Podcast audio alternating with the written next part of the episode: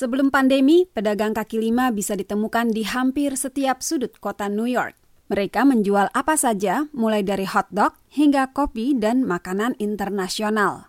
Dalam masa pandemi ini, di mana hampir tidak ada orang berlalu lalang, usaha itu sepi. Dan komunitas pedagang yang umumnya imigran itu kesulitan memenuhi kebutuhan hidup.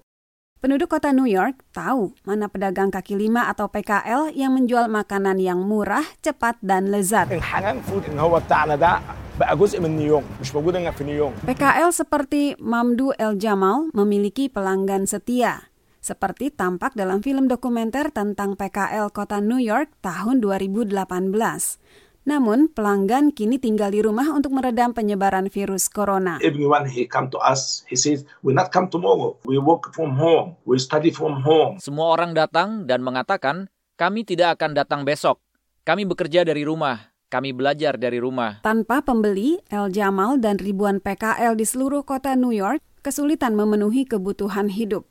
Direktur Eksekutif Street Vendor Project Urban Justice Center, Muhammad Atia prihatin akan situasi itu. Everyone I talked to in the past week, they said that we cannot pay rent in this month and we don't know how we gonna pay rent. Semua orang yang saya ajak bicara sepekan ini mengatakan kami tidak bisa membayar sewa rumah bulan ini dan kami tidak tahu bagaimana akan membayarnya. Street Vendor Project Urban Justice Center mengadvokasi hak-hak PKL banyak dari mereka adalah imigran.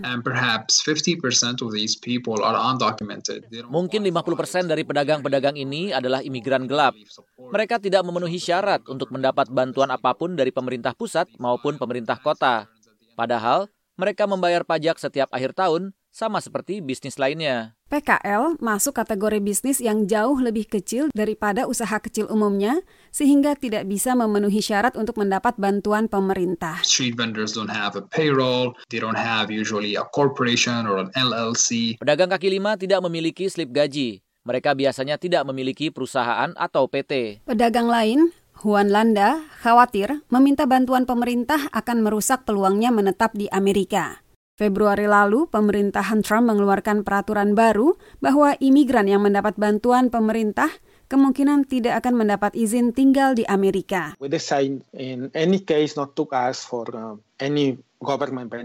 Dalam situasi apa pun, kami memutuskan untuk tidak meminta tunjangan dari pemerintah karena itu dianggap sebagai membebani pemerintah. Landa bertahan hidup dengan sumbangan makanan dari gereja setempat. We really need a government scale solution but we haven't heard anything yet from the governor. Kami benar-benar membutuhkan solusi dari pemerintah. Sejauh ini kami belum mendengar apa pun dari gubernur maupun dari wali kota dan itu benar-benar mengkhawatirkan komunitas kami karena waktu berjalan terus. Untuk para pedagang itu, waktu sepertinya tidak berpihak pada mereka. Karina Amkas, VOA, Washington.